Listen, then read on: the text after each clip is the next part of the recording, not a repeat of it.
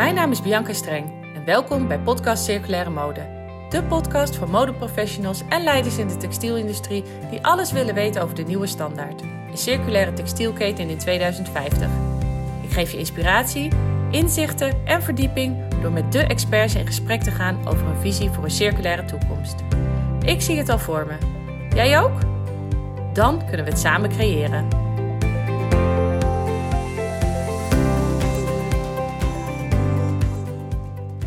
Vandaag ben ik te gast in Den Haag in een vrij nieuw pand genaamd uh, Apollo 14.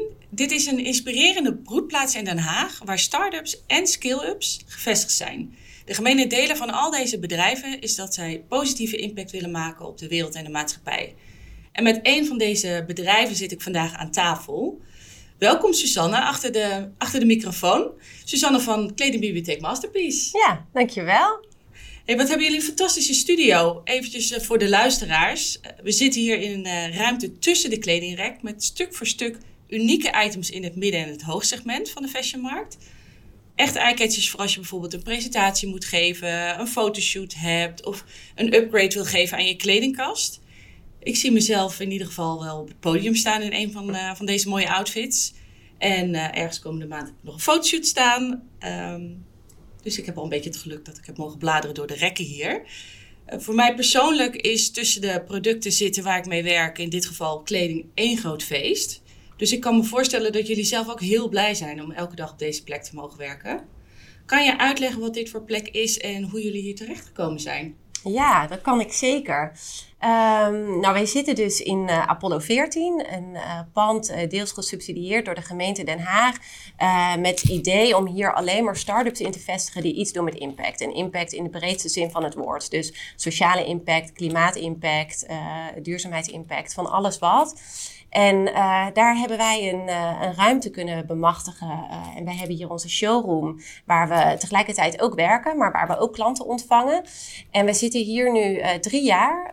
en in eerste instantie, toen we hier kwamen, was het een beetje een noodgedwongen plek. Wij startten ons bedrijf in 2019, gelijk met een website en een webshop erbij. En dachten aanvankelijk van, nou, we gaan waarschijnlijk heel veel online opereren.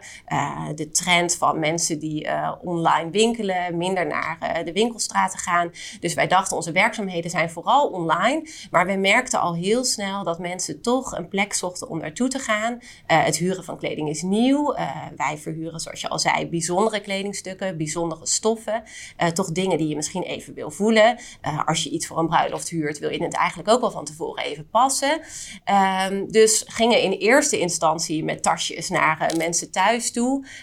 om de kleding te laten zien en te laten passen ontving ook wel eens iemand bij ons thuis dat voelde niet zo fijn. En op een gegeven moment kregen we steeds meer klanten.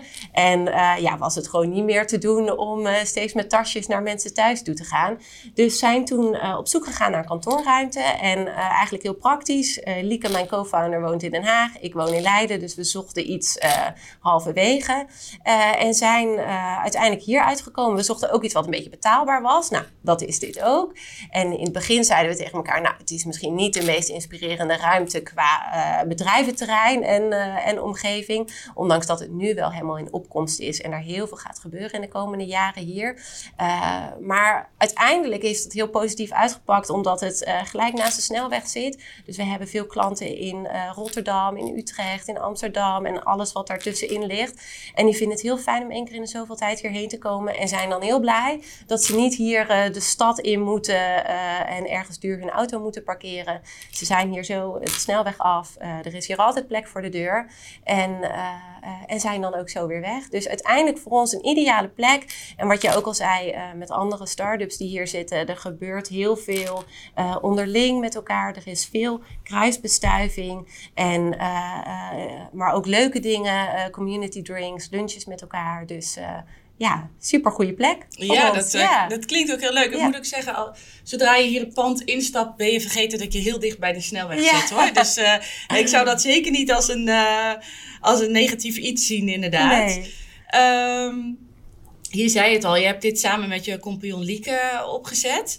En als ik het goed heb, liggen jullie beide achtergronden helemaal niet in de fashionbranche. En waar komt jouw liefde voor, kleding vandaan? Liep jij bijvoorbeeld als klein meisje al op, je, de hakken van je moeder door de kamer? Of, ja, ja, nou die, die passie voor kleding is er wel heel vroeg ontstaan bij mij. mijn moeder droeg niet zoveel hakken, dus dat niet. Maar zij maakte wel kleding. en nam mij mee naar kledingwinkeltjes, naar stoffenmarkten, waar ik dan zelf stofjes uit mocht zoeken. zelf de patronen uit mocht zoeken en zij dat voor mij ging maken. Dus, en dat deed deden haar zussen ook, dat deed haar oma of mijn, mijn oma ook. Dus uh, in die zin wel met de paplepel ingegoten om met kleding bezig te zijn. En uh, mijn ouders hadden vroeger een, een, favoriet kledingwinkeltje hier in Voorburg, uh, hier vlakbij. daar ging ik als kind altijd mee naartoe en ik vond het heerlijk om daar tussen te de rekken te snuffelen, af en toe iets te passen, wat mij toen natuurlijk nog veel te groot was. Maar dat, ja, dat was een feestje. En toen ik op een gegeven moment 15 was en nog steeds met mijn ouders meeging naar die winkel, uh, werd me daar gevraagd: uh, heb je geen zin om hier op zaterdag uh, te komen werken?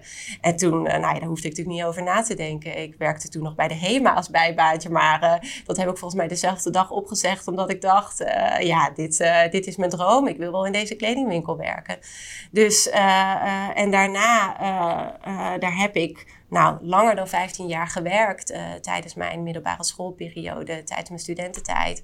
En ook tijdens mijn eerste professionele banen. Ook omdat ik het gewoon heel leuk vond om uh, met kleding bezig te zijn. Om mensen blij te maken, om uh, mooie combinaties te maken, mensen te adviseren. En, dus het was eigenlijk bijna meer een hobby in de kledingwinkel werken ja, dan dat het echt ja, als werk voelde. Als ik het zo zeker. Ik moet zeggen, wij mochten daar een soort van op afbetaling kleding meenemen. Dus uh, in plaats van salaris uh, kocht ik ook wel vaak als zocht ik kleding uit. Oh, ja.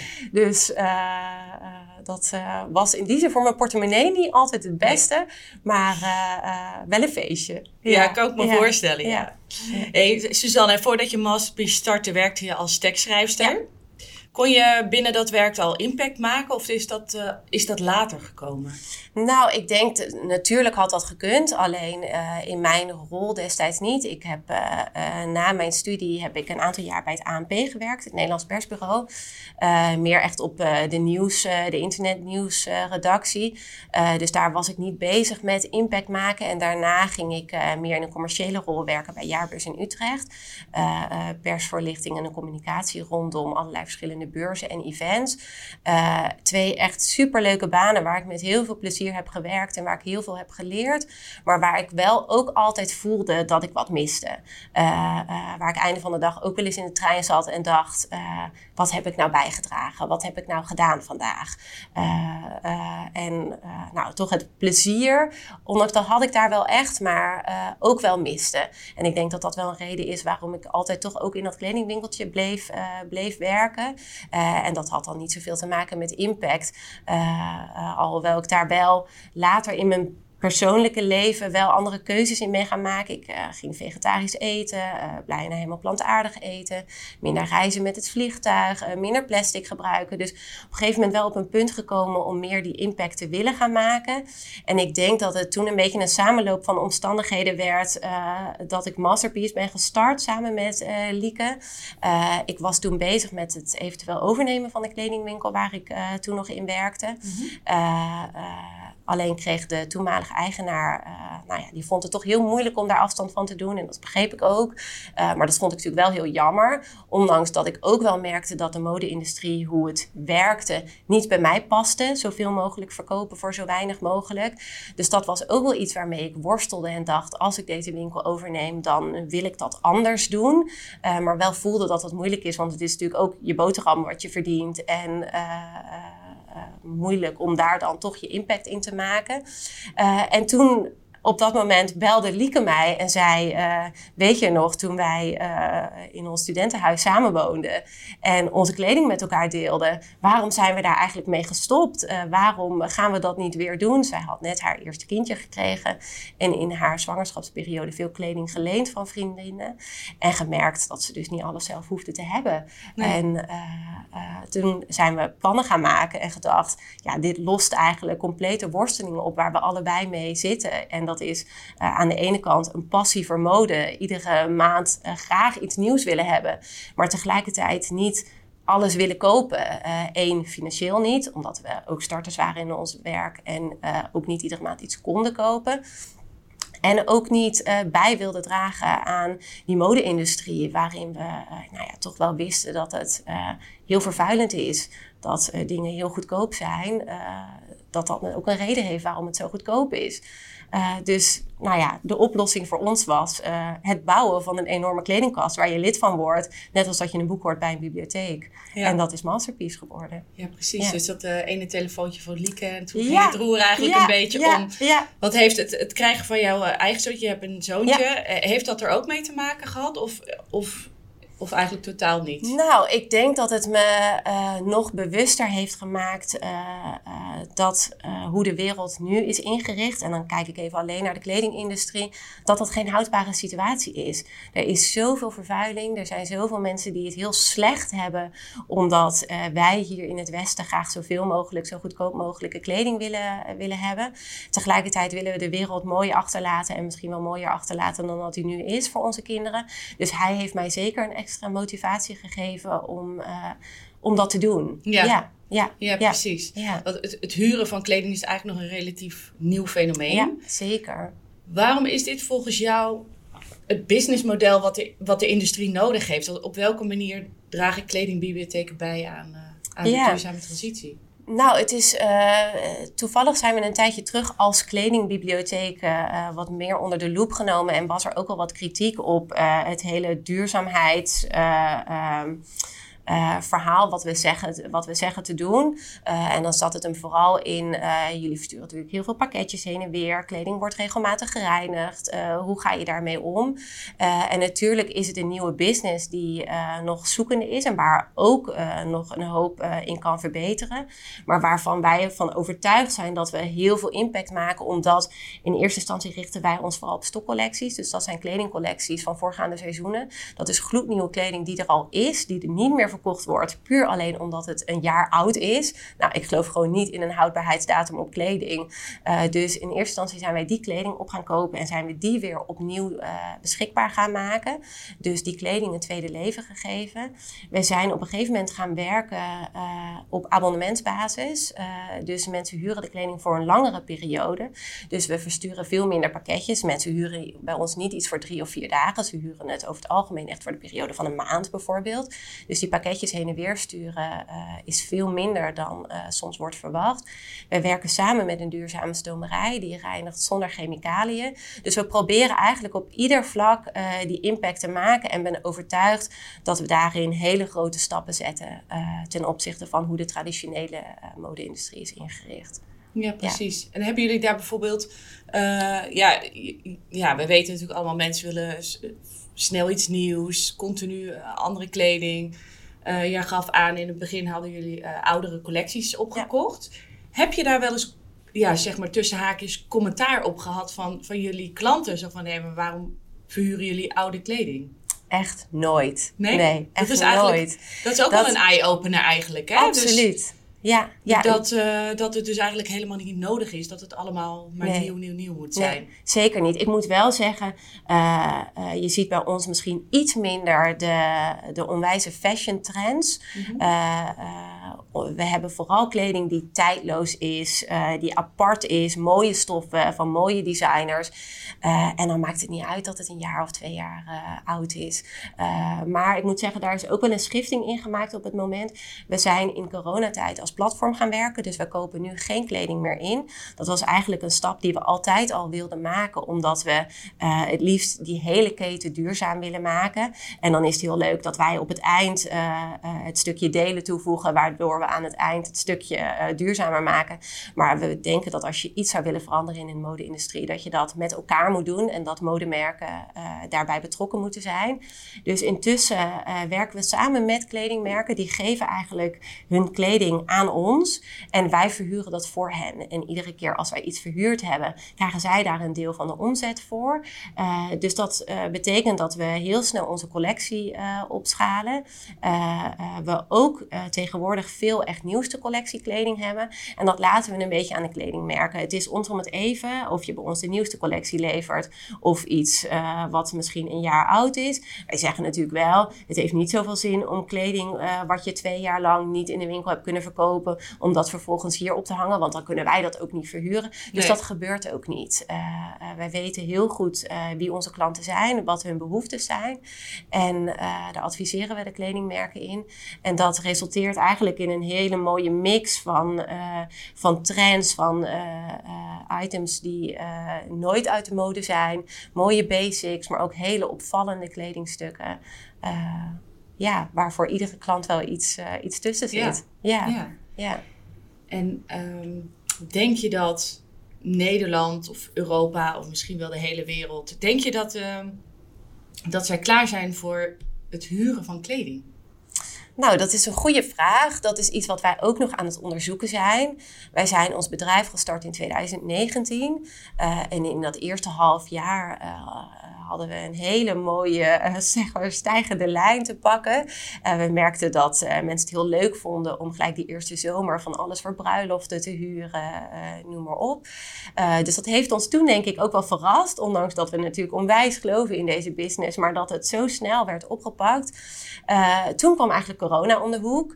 Ja. Dus dat heeft eigenlijk het hele, ja, de hele industrie zo veranderd en de behoeftes van mensen zo veranderd, dat dat voor ons ook zoekende was. Wij richten ons in eerste instantie vooral op vrouwen die voor hun werk uh, mooie kleding nodig hebben. Of veel op zoek zijn naar die variatie. Ja, en ineens zat iedereen thuis. Dus uh, die behoefte aan een mooie jurk of een prachtig pak, die was natuurlijk ineens veel minder. Dus wij zijn onze collectie daarop aan gaan passen. Zijn ook meer casual items toe gaan voegen. merkten gelukkig dat dat aansloeg.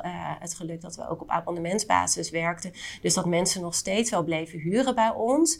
En uh, ja, nu is het eigenlijk uittesten, nu we uh, corona steeds meer achter ons kunnen laten, of uh, de Nederlandse vrouw daar echt klaar voor, voor is. Wij zien in de afgelopen maanden echt een enorme toename. We hebben iedere week nieuwe abonnees die we mogen verwelkomen.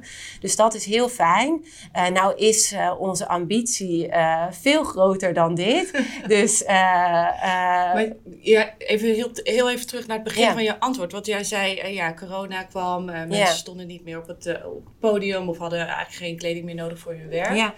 Maar zie je um, nu, nu we corona een beetje achter ons laten, dat er bij de nieuwe klanten, dat dat juist weer de vrouwen zijn die weer dat podium opgaan, die weer presentaties moeten geven. Dat corona ook een heel stuk bewustwording heeft gecreëerd bij, bij de consumenten.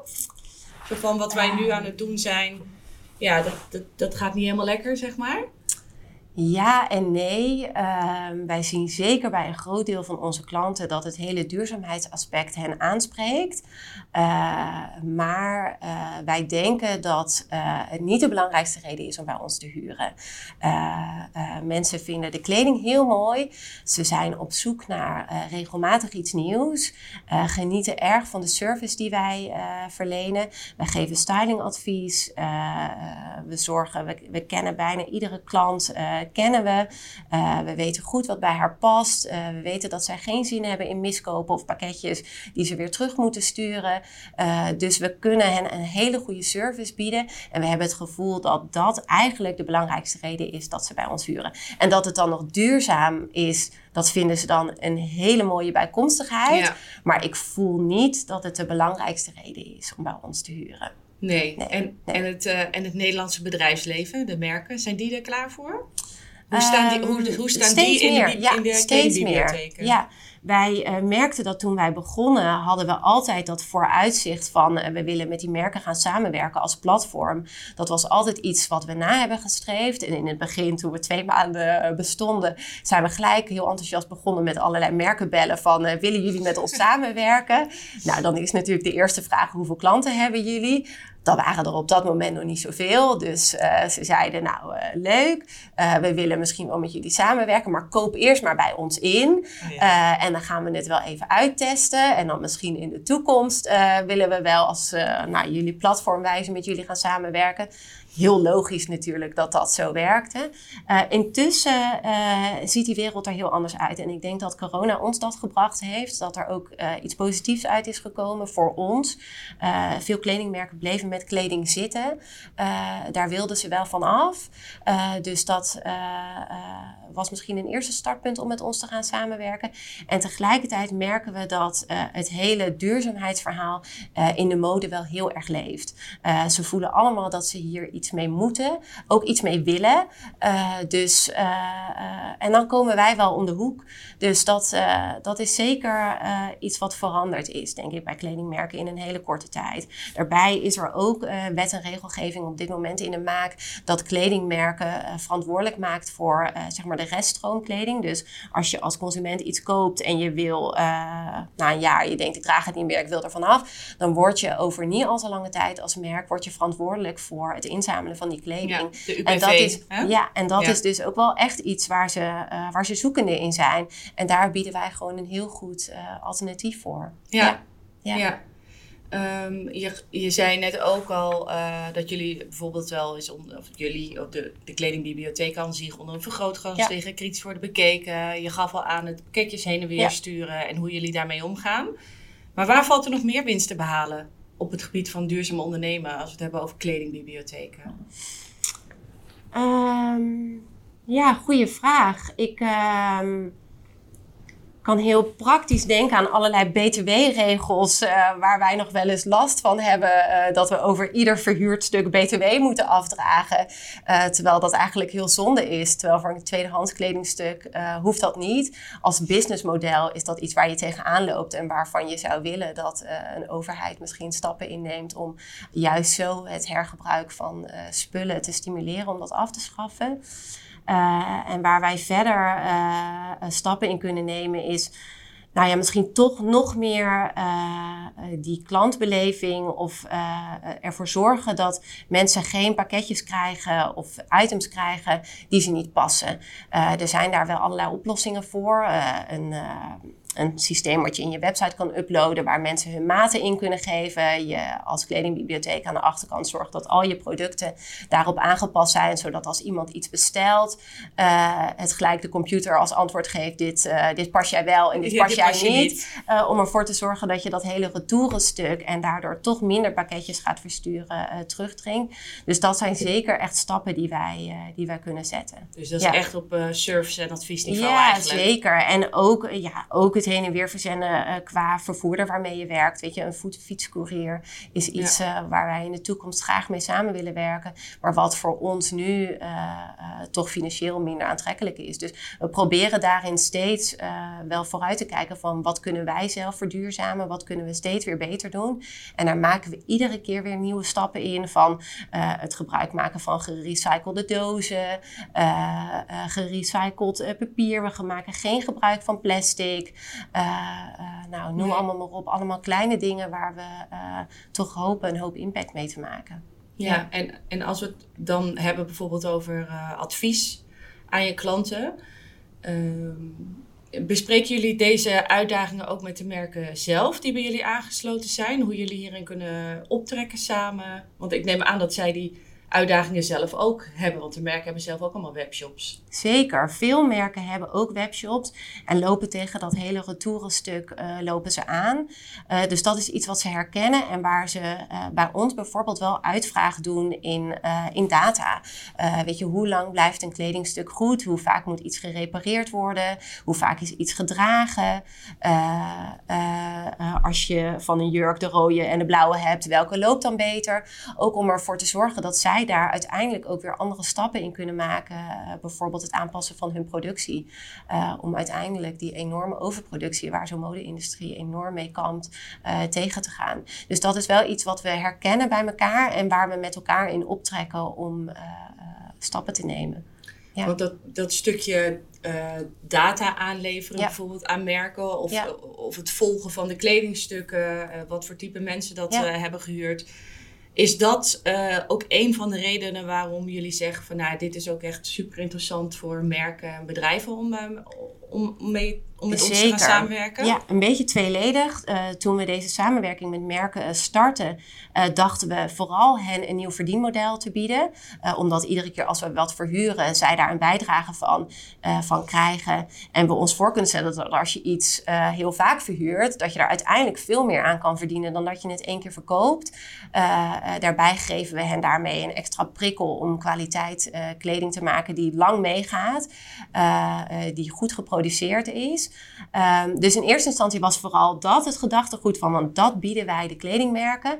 En gaandeweg hebben we gemerkt dat dat hele datastuk iets is waar we hen bij kunnen helpen en waar we in kunnen voorzien. En waarin we in de toekomst, nou ja, misschien nog meer stappen in kunnen maken en hen, nou ja, nog meer mee kunnen helpen. Ja, ja, ja, dat kan ik me voorstellen dat dat voor de merken heel waardevol ja, is. zeker. Uh, hebben jullie toevallig ook al een keertje vernomen dat uh, de merken hier ook echt iets mee doen met de data die jullie uh, aanleveren in de praktijk? Ja, zeker met, en dan gaat het vooral over de kwaliteit van kleding. Wij hebben best wel een aantal kledingstukken gehad waarvan we hebben gemerkt dat als we het als het gereinigd wordt, dat het minder mooi blijft. Dus dat is informatie die we teruggeven. En dat heeft zeker geresulteerd in acties bij een kledingmerk. En van een ander kledingmerk hebben we bijvoorbeeld broeken gehad, waarbij we heel snel merkten dat de rits niet goed werkte. En daar hebben ze afstand genomen van die ritsen. En dat was iets waarvan ze van consumenten ook zelf wel eens hadden gehoord dat daar klachten in zaten. En bij ons nou ja, ik denk dat heel veel consumenten als ze een broek kopen, dat dan soms toch niet teruggeven. En wij dat wel doen. Dus dat mhm. is iets waar ze zeker actie mee aan hebben ondernomen. Ja, dat is wel tof. Want dat is toch eigenlijk wel waar we heen willen met z'n allen. Zeker, zeker. Dat producten verbeteren en... Uh, dat er veel gerichter misschien wel wordt uh, ontworpen of, of, geproduceerd. En beter wordt geproduceerd. En ervoor te zorgen dat kleding dus veel langer meegaat. Ja. ja. Tof. Dat is wel ja, mooi om te horen. Uh, nou, ik, ik ga ook altijd graag eventjes naar de toekomst ja. met, mijn, uh, met mijn gasten. Want ik ben altijd heel benieuwd wat voor mooie plannen er allemaal nog eh, op de plank liggen. Welke rol spelen kledingbibliotheken in 2050? Nou ja, wij hopen natuurlijk dat dat tegen die tijd een nieuwe norm is. Dat uh, het veel normaler is om te betalen naar gebruik in plaats van betalen naar bezit. En ik geloof ook echt dat het die kant op gaat. Als je kijkt naar de trends en ontwikkelingen van het afgelopen jaar, dan is de hele tweede, tweedehands kledingmarkt is enorm toegenomen. Het is tegenwoordig uh, helemaal oké om tweedehands kleding te dragen, waar dat vroeger misschien nog werd weggezet als muffig en uh, als, nou, je hebt misschien niet genoeg geld om nieuw te kopen dus dan koop je maar tweedehands. Dat is echt een enorme verandering. Je ziet ook dat steeds meer mensen uh, een productabonnement uh, hebben. Dus dat is heel uh, positief voor ons ook. En het hele huren van kleding wordt steeds normaler. We hebben natuurlijk nog steeds, moeten we wat uitleggen aan mensen. het is nog steeds nieuw voor ze. Maar we merken dat, dat, dat dat echt afneemt. ja. ja. ja. ja. En denk je dat de wereld beter af is wanneer 100% van de kleding gehuurd kan worden? Even los van of dit haalbaar is. Dus dat je helemaal geen kleding meer kan kopen en dat alles alleen maar te huur is? Nou, dat, dat weet ik niet. Uh, wij zeggen ook altijd tegen onze klanten: weet je, een, een goede spijkerbroek. Uh, koop die. Die moet je niet bij ons huren. Die hebben wij ook niet in de collectie. Nee. Uh, een goede witte blouse of een, of een mooie blauwe blazer. Kijk, dat laatste hebben we dan wel. Uh, maar er zijn gewoon goede basics. Investeer daarin. Daar doe je jaren mee. Uh, die hoef je niet bij ons te huren. Maar voor al dat extra, al die dingen waarvan je denkt: ik wil wel eens een keer een paarse jurk. Ik wil wel eens een jurk met een hele gave print die ik niet jaren ga dragen. ga al die dingen huren. daar geloof ik heilig in. Dus nee, ik denk niet dat je 100%, dat streven wij ook niet na. Uh, maar zeker voor uh, dat extra stukje fun in je kledingkast, dat, uh, ja, dat, dat moet je huren, dat moet je niet meer kopen. Nee. Nee. Nee. nee. Ja. Um, ja, nou ja, dan wil ik nog met één laatste vraag afsluiten. en dat is, wat zou jij de luisteraar mee willen geven die werkt aan de duurzame transitie? Ehm, ja, dat is, eh, dat is iets denk ik wat heel veel mensen zeggen. Maar wat wij hebben gemerkt is dat, uh, dat je soms dingen gewoon moet doen. En dat je soms de wijsheid dus niet in pacht hebt van tevoren. Dat je gewoon moet gaan en dat je uh, gaat testen. En dat je gewoon gaat ondernemen. En dat je het aangaat, het avontuur. En wij hebben ook intussen denk ik al heel veel stappen gemaakt. Waarin we achteraf zeiden, hè, als we dit eerder hadden geweten, dan hadden we in één keer die ene stap gemaakt. En niet die vijf tussenstappen die we daarvoor hebben gezet. Maar ik denk ik denk dat je het gewoon gaan doen. En dat was bij ons ook wel een, uh, een kantelpunt, denk ik. Uh, Lieke en ik waren al tijden bezig met plannen maken. Op momenten dat al onze vriendinnen op vrijdagavonden op uh, terras zaten, zaten wij aan onze Excel-bestanden om te kijken hoe kunnen we deze business, kunnen we daar een goed verdienmodel aan hangen. En we kwamen op een gegeven moment, we lazen heel veel over de mode-industrie, over duurzaamheid, over wat je, wat je zelf kan doen. En op een gegeven moment kwamen we een interview tegen van een hoogleraar ecologie, Louise Vet uh, heet zij. En zij, uh, nou, het was een beetje een oproep aan jonge ondernemers uh, van ga het doen. De, de mode-industrie of gewoon de, de wereld heeft geen evolutie nodig, maar een revolutie. En ga het niet een beetje anders doen, gooi het roer om en ga het helemaal anders doen. En dat was iets wat ons heel erg triggerde en dachten en, en nu gaan we het doen. En uh, dat was voor ons een moment dat we ons hebben aangemeld bij een uh, accelerator-programma. Uh, die startups ondersteunt die iets doen met klimaatimpact. We dachten, dit idee, dat blijft een idee. We moeten dit eens tegen mensen aan gaan houden. We moeten gaan testen of dit, of dit werkt, of mensen hier toekomst in zien. En we werden aangenomen. We, we, kregen ons eerste stukje funding. We kregen een mentor. en toen zijn we gewoon in een paar maanden ons bedrijf gaan bouwen. En uh, nog steeds zeggen we wel eens, we zien wel waar het schip strandt. Uh, uh, en intussen heb ik het idee dat dat een hele mooie toekomst gaat worden. Dat we dit heel ver kunnen gaan brengen. Ja. Nou, ja. super mooie ambities, ja. Suzanne. Ja, ik wil jou en Lieke ontzettend veel succes ja. wensen voor de toekomst. Nou, en jij bedankt voor dit leuke gesprek. Helemaal goed. We houden contact. Zeker. Bedankt voor het luisteren. Hopelijk heeft het je geïnspireerd of nieuwe inzichten gegeven. Benieuwd naar het verhaal van de volgende Gamechanger? Abonneer je dan op dit kanaal. Ook kan je me volgen op Instagram, Bianca Streng, of connecten via LinkedIn.